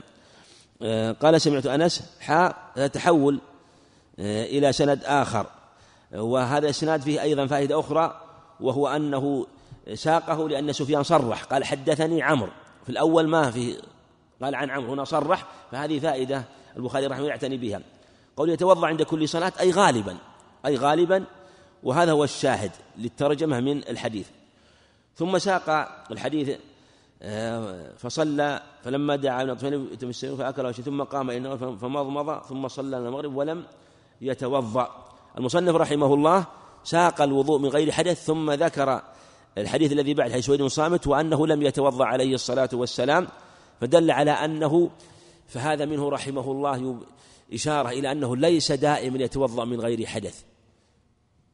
آه، يعني ليس دائما يتوضأ بل يعني أنه ربما حضرت الصلاة ولم يتوضأ عليه الصلاة والسلام. ولهذا نحمل حديث أنس على الغالب على الغالب وأنه في الغالب يتوضأ عليه الصلاة والسلام عند الصلاة وربما ترك الوضوء. كما حديث بريدة صحيح مسلم أنه صلى خمس صلوات بوضوء واحد فقال عمر يا رسول صنعت شيء لم تكن تصنعه؟ قال عمدا صنعته يا عمر. نعم. قال باب من الكبائر أن لا يستتر من بوله حدثنا عثمان قال حدثنا جرير عن منصور عن مجاهد عن ابن عباس قال مر النبي صلى الله عليه وسلم بحائط من حيطان المدينة أو مكة فسمع صوت إنسانين يعذبان في قبورهما. فقال النبي صلى الله عليه وسلم يعذبان وما يعذبان في كبير ثم قال بلى. كان أحدهما لا يستتر من بوله وكان الآخر يمشي بالنميمة. ثم دعا بجريدة فكسرها كسرتين فوضع على كل قبر منهما كسرة. فقيل له يا رسول الله لم فعلت هذا؟ قال صلى الله عليه وسلم لعله أن يخفف عنهما ما لم تيبسا. وهذا يبين أن عدم الاستتار من البول من الكبائر. ولهذا هنا لما قال في نفس الحديث آه، فقال بلى موعظة كبير ثم قال بلى كان أحدهم في اللفظ الآخر بلى إنه كبير. قول ما يعذبني في كبير؟ يعني أنه ليس اجتنابه كبيرا هين ولا عند ابن حبان يعذبان عذابا شديدا في ذنب هين. يعني اجتنابه يسير. هذا وهذا اللي يفسر الرواية ولا يصرح في الرواية الأخرى في البخاري بلى إنه كبير لكنه معذبان في كبير أي اجتنابه كما في الرواية الأخرى عند ابن حبان ليس كبيرا. وهذا هو الشاهد من الترجمة. بلى والمصنف ساق هذه الرواية وحتى يشحذ الهمم على البحث عن الروايات الأخرى التي جاءت وصرحت في أنه كبير كما عنده في الأدب رحمه الله. نعم. وهنا ساق عن مجاهد عن ابن عباس. سيأتينا من رواية مجاهد عن طاووس عن ابن عباس. اختلف العلماء في هذا السند والصحيح أنه مجاهد روى تارة عن ابن عباس وتارة عن طاووس عن ابن عباس. فروى عن ابن عباس وسمعه من طاووس. ويدل على أنهما أنه صح من الوجهين أن في رواية طاووس زيادة ليست في روايته عن ابن عباس مباشرة. نعم. قال رحمه الله باب ما جاء في غسل البول وقال النبي صلى الله عليه وسلم لصاحب القبر كان لا يستتر من بوله ولم يذكر سوى بول الناس. حدثنا يعقوب ابن إبراهيم قال حدثنا إسماعيل ابن إبراهيم قال حدثني روح بن القاسم قال حدثني عطاء بن ابن أبي ميمونة عن انس عن أنس بن مالك قال كان النبي صلى الله عليه وسلم إذا تبرز لحاجته أتيته بماء فيغتسل به. نعم يغتسل. إيش عندك اللي اخر حاجة؟ عندي فيغتسل به. أول أول السند أول السند. حدثنا يعقوب ابن إبراهيم قال حدثنا إسماعيل ابن نعم. إبراهيم. اتيته ب ب اتيته بماذا؟ عندك آخر الحديث. قال أتيته بماء فيغتسل به. آه، يغتسل. عندكم يغسل به أو يغتسل فيه؟ نعم. في الشهر يغتسل به. نعم والله ماء يغتسل به. نعم. باب ما جاء في غسل البول. وهذا واضح في مناسبة الباب الذي قبله وأنه نجس وأن عدم التنزه منه كما تقدم في كما ظهر رواية أنه من الكبائر. وقال النبي صلى الله عليه وسلم كان لا يستتر من بوله. ولعل هذا ولم يذكر سوى بول الناس آه، إشارة إلى الكلام في خلاف في بول البهائم. وقول من قال إنها طاهرة وجاء في الحديث أبي هريرة حديث جيد أكثر عذاب القبر في البول. ويعقوب بن إبراهيم هذا هو الدورقي إسماعيل إبراهيم بن علية روح بن القاسم التميمي العنبري ثقة حافظ عطاء بن أبي ميمون هذا تقدم أيضا البصري. اتيته بماء يغسل به وهذا هو الشاهد بماء يغسل به ويغتسل به. نعم. باب حدثنا محمد بن المثنى قال حدثنا محمد بن خازم قال حدثنا الأعمش عن مجاهد عن طاووس عن ابن عباس قال مر النبي صلى الله عليه وسلم بقبرين فقال إنهما لا يعذبان وما يعذبان في كبير أما أحدهما فكان لا يستتر من البول وأما الآخر فكان يمشي بالنميمة ثم أخذ جريدة رطبة فشقها نصفين فغرز في كل قبر واحدة قالوا يا رسول الله لم فعلت؟ قال لعله يخفف عنهما ما لم ييبسا. قال ابن المثنى وحدثنا وكيع قال حدثنا الأعمش قال سمعت مجاهدا مثله. نعم هذا شاهد واضح يعني وهذا مرأة مجاهد عن طاووس كما تقدم عن ابن عباس. وفيه وهذا الباب كالفصل مما قبله كالفصل مما قبله وما يعذب كبير أما أحدهما كان لا يستتر من بوله. وبين العقوبة في ذلك ودل على أنه العقوبة بسبب عدم الاستتار من البول دل على وجوب الاستتار بغسله. لكن أورد الحديث الصريح بذلك ثم أورد الحديث الدال على ذلك وأنه لا يستتر يعني أنه لا يغسل أثر البول. ثم آه، عطف قول محمد بن خازم هذا أبو معاوية مشهور بالرواية الأعمش وهو متقن لرواية الأعمش يهم في غيره يهم في غيره رحمه الله من أحفظ الناس لحديث الأعمش. قول قال ابن المثنى هو محمد المثنى آه، وهنا هو معطوف على قول على على قول حدثنا محمد المثنى معطوف. يعني وربما سقطت واو العطف فليس معلقا وهو معطوف على ما سبق قال حدثنا وكيع حدثنا أعمش قال سمعت مجاهدا. فائدة هذا هذا الإسناد تصريح الأعمش بقول سمعت مجاهدا. سمعت مجاهدا. فانتفت شبهة تدليسه. نعم. قال رحمه الله باب ترك النبي صلى الله عليه وسلم والناس الأعرابي حتى فرغ من بوله في المسجد. حدثنا موسى بن, بن إسماعيل قال حدثنا همام قال أخبرنا إسحاق عن أنس عن أنس أن النبي صلى الله عليه وسلم رأى أعرابيا يبول في المسجد فقال دعوه حتى إذا فرغ دعا بماء فصبه عليه. نعم وذلك أن أنه ترك عليه الصلاة والسلام آه، دفعا للمفسده دفعا للمفسده فدل على جواز مثل هذا وأنه إذا خشي يترتب مفسده فإنه يقر ويترك لا لأن الفعل جائز لكن لما يترتب عليه المفسده وأيضا ربما يترتب عليه مصلحة أخرى تتعلق بهذا الرجل ثم حصل المصلحة عليه الصلاة والسلام بأن دعا الإمام فصبه عليه. ثم الشاهد من هذا الحديث للباب من جهة صب الماء عليه وأنه إذا صب الماء وأزيل من الأرض فكذلك إزالة البدل من باب أولى وأنه يجب التنزه منه والاستتار والتنزه من البول. نعم. قال رحمه الله باب صب الماء على البول في المسجد. حدثنا أبو اليمان قال أخبرنا شعيب عن الزهري قال أخبرني عبيد الله بن عبد الله بن عتبة بن مسعود أن أبا هريرة قال قام أعرابي فبال في المسجد فتناوله الناس فقال لهم النبي صلى الله عليه وسلم دعوه وهريقوا على بوله سجلا من ماء أو ذنوبا من ماء فإنما بعثتم ميسرين ولم تبعثوا معسرين. حدثنا عبدان قال أخبرنا عبد الله قال أخبرنا يحيى بن سعيد قال سمعت أنس بن مالك عن النبي صلى الله عليه وسلم نعم. صب البول على الماء في المسجد كما في حديث هريرة أنه قال هريقوا على بوله سجلا من ماء. وهذا واضح في وجوب تطهير المساجد وأنه يصب على بوله ماء وأنه نجس وأنه نجس هو ما تقدم كما أنه تطهر الأرض كذلك تطهير البدن والبقعة من البول. قول حدثنا السناد الثاني اللي يظهر أن هذا الإسناد تابع للترجمة بعده كما يظهر الفتح. تابع للترجمة بعده كما هو ظاهر الفتح ليس متعلق بالترجمة التي قبله لأنه لم يذكر فيه آه، ذكره عن أنس وسكت. ذكر عن أنس وسكت. فالأظهر التابع الذي هو وهو ظاهر كلامه في الفتح. ليس تابع للترجمة التي قبله بل التي بعده. نعم. من قول باب يهريق الماء على البول. نعم. قال رحمه الله باب يهريق الماء على البول وحدثنا خالد قال وحدثنا سليمان عن يحيى بن سعيد قال سمعت أنس بن مالك قال جاء أعرابي فبال في طائفة المسجد فزجره الناس فنهاهم النبي صلى الله عليه وسلم فلما قضى بوله أمر النبي صلى الله عليه وسلم بذنوب من ماء فهريق عليه. نعم.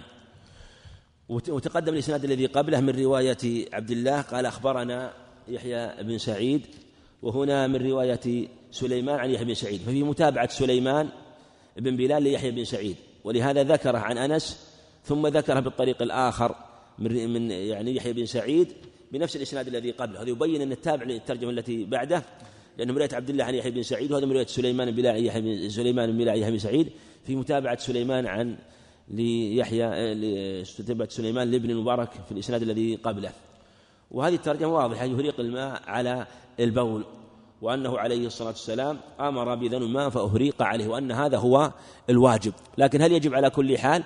إذا كانت الصلاة حاضرة والناس يصفون وهذا المكان يصلى فيه فالواجب إزالته وإن كان لا أنه يمكن أن تزول النجاسة تزول النجاسة يطرقها الريح أو والشمس وتزول وتذهب فذهب جمع من أهل العلم إلى أنه لا بأس أن تترك حتى تسفي عليه الريح وتذهب الرائحة ويذهب أثر النجاسة والجمهور على وجوب الغسل. نعم.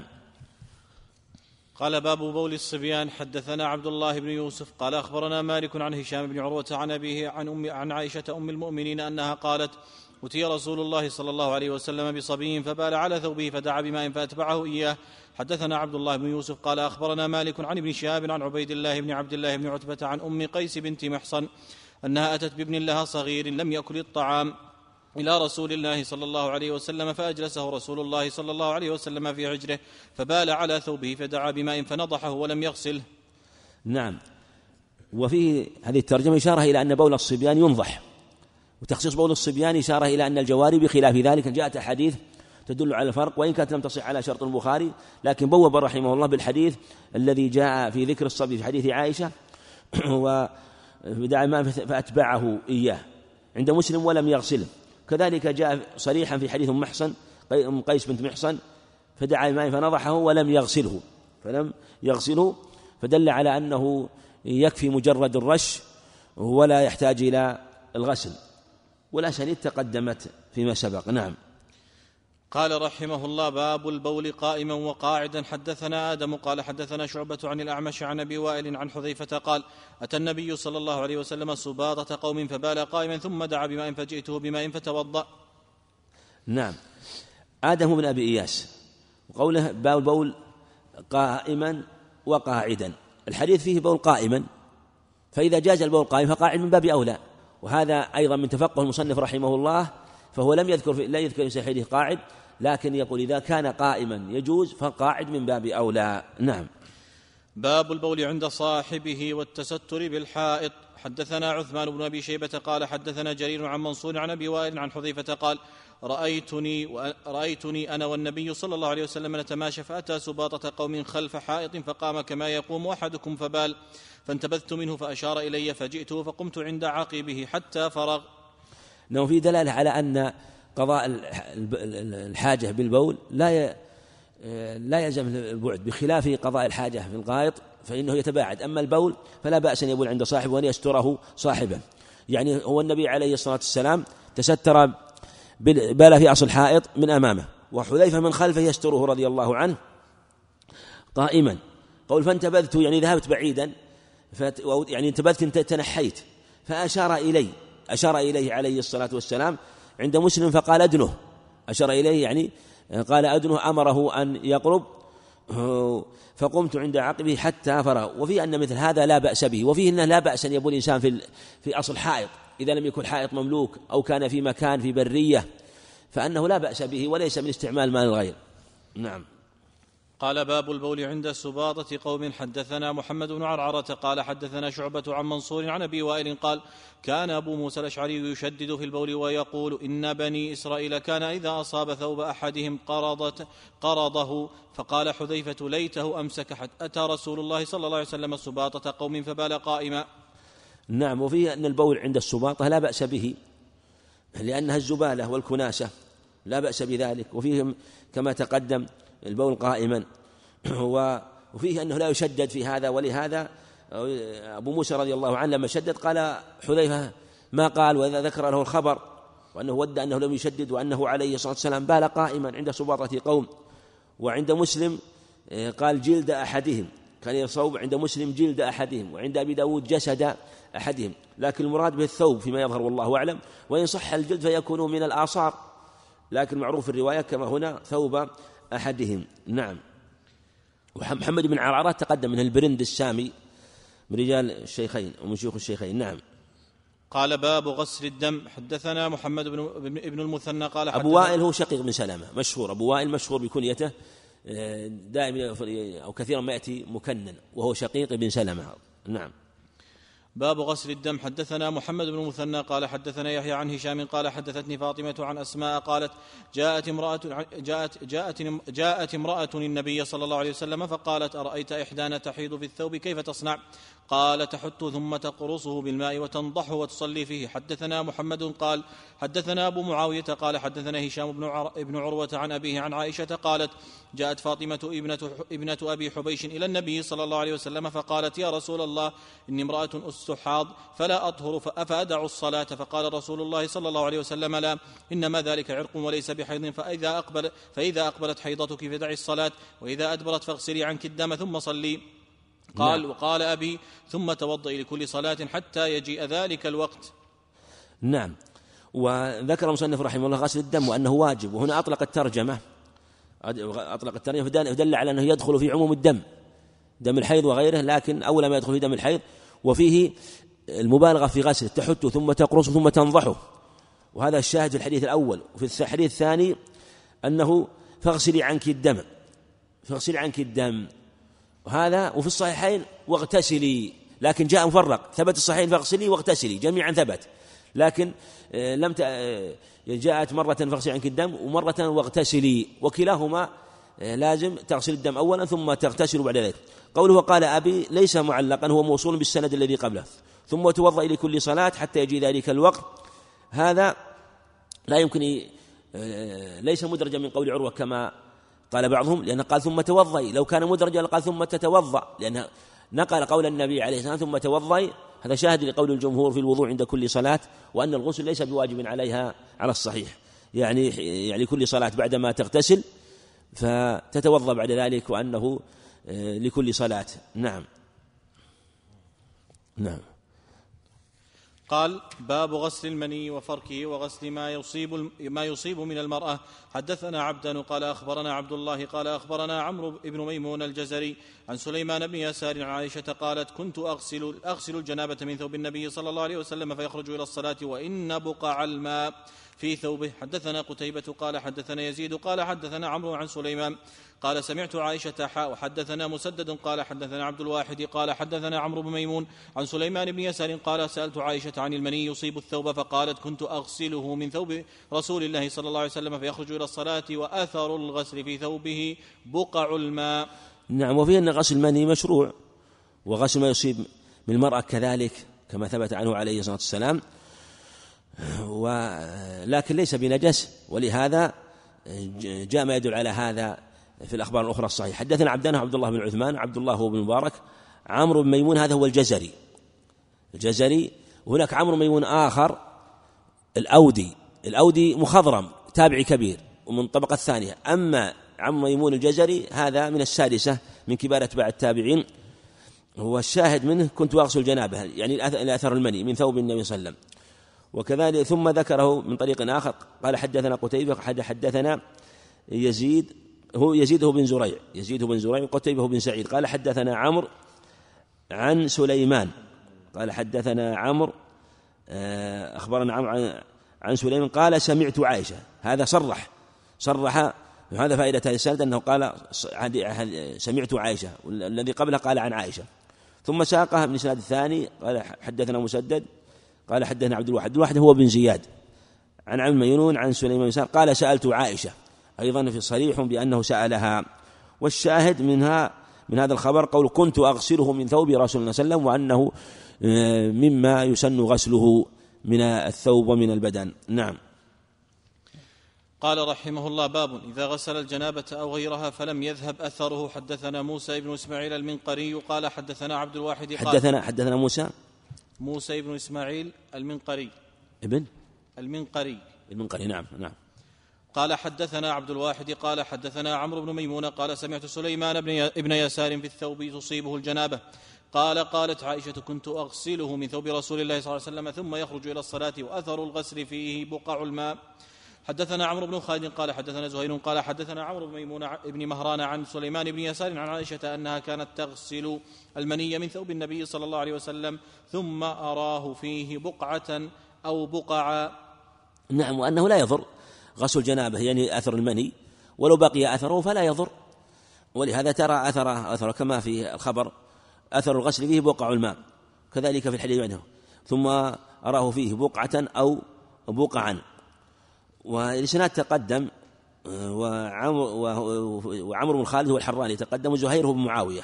وزهير هو ابن معاوية. بل النجاسة إذا غسلها الإنسان قال عليه والسلام يكفيك الماء ولا يضرك أثره. فكيف ما ليس بنجس نعم. قال رحمه الله باب أبواء الإبل والدواب والغنم ومرابطها وصلى أبو موسى في دار البريد والسرقين والسرقين والبرية إلى جنبه فقال ها هنا وثم سواء. حدثنا سليمان بن حرب قال حدثنا حماد بن زيد عن أيوب عن ابي أبي قلابة عن أنس قال قدم أناس من عكل أو عرينة فاجتووا المدينة فامرهم النبي صلى الله عليه وسلم بلقاح ويشربوا من أبوالها وألبانها فانطلقوا فلما صحوا قتلوا راعي النبي صلى الله عليه وسلم واستاقوا النعم فجاء الخبر في أول النهار فبعث في آثارهم فلما ارتفع النهار جيء بهم فأمر بقطع أيديهم وأرجلهم وسمرت أعينهم وألقوا في الحرة يستسقون فلا يسقون. قال أبو قلابة فهؤلاء سرقوا وقتلوا وكفروا بعد إيمانهم وحاربوا الله ورسوله. حدثنا آدم قال حدثنا شعبة قال أخبرنا أبو, التي أبو التياح أبو التياح عن أنس قال كان النبي صلى الله عليه وسلم يصلي قبل أن يبنى المسجد في مرابض الغنم. نعم وما بوب عليه رحمه الله واضح من الحديث وأن لا بأس من الصلاة في أماكن الإبل ولو كانت قد راثت فيها أو تبولت وصلى أبو موسى في دار البريد. يعني كانت في الكوفة وكان أميرا في الكوفة من قبل معاوية من قبل عمر رضي الله عنه وعثمان بعد ذلك. صلى آه، رضي الله عنه آه، في دار البريد. وكان دار البريد كما ذكروا في طرف في طرف الكوفة إلى جهة البرية. ولهذا والسرقين والبرية السرقين هو الزبل. والبرية إلى جنبه. فقال ها هنا وثم سواء. مع أن البرية أمامه لأن البريد في طرف البلد ليس أمامه إلا البر. فصلى رضي الله عنه وقال ها هنا وثم سواء لأن النبي صلى الله عليه وسلم كان يصلي في مرابض الغنم فدل على طهارته وهذا وصله ابن نعيم شيخ البخاري في كتاب الصلاة. ثم ساق الخبر المشهور عن أنس في أنه عليه الصلاة والسلام كان يصلي قبل أن يبنى المسجد في مرابض غنم. ووجه الدلالة أن إذا كانت مرابض الغنم فإنها لا تخلو من أبعارها ومن أبوالها فدل على طهارتها والله أعلم. نقف على هذا الباب.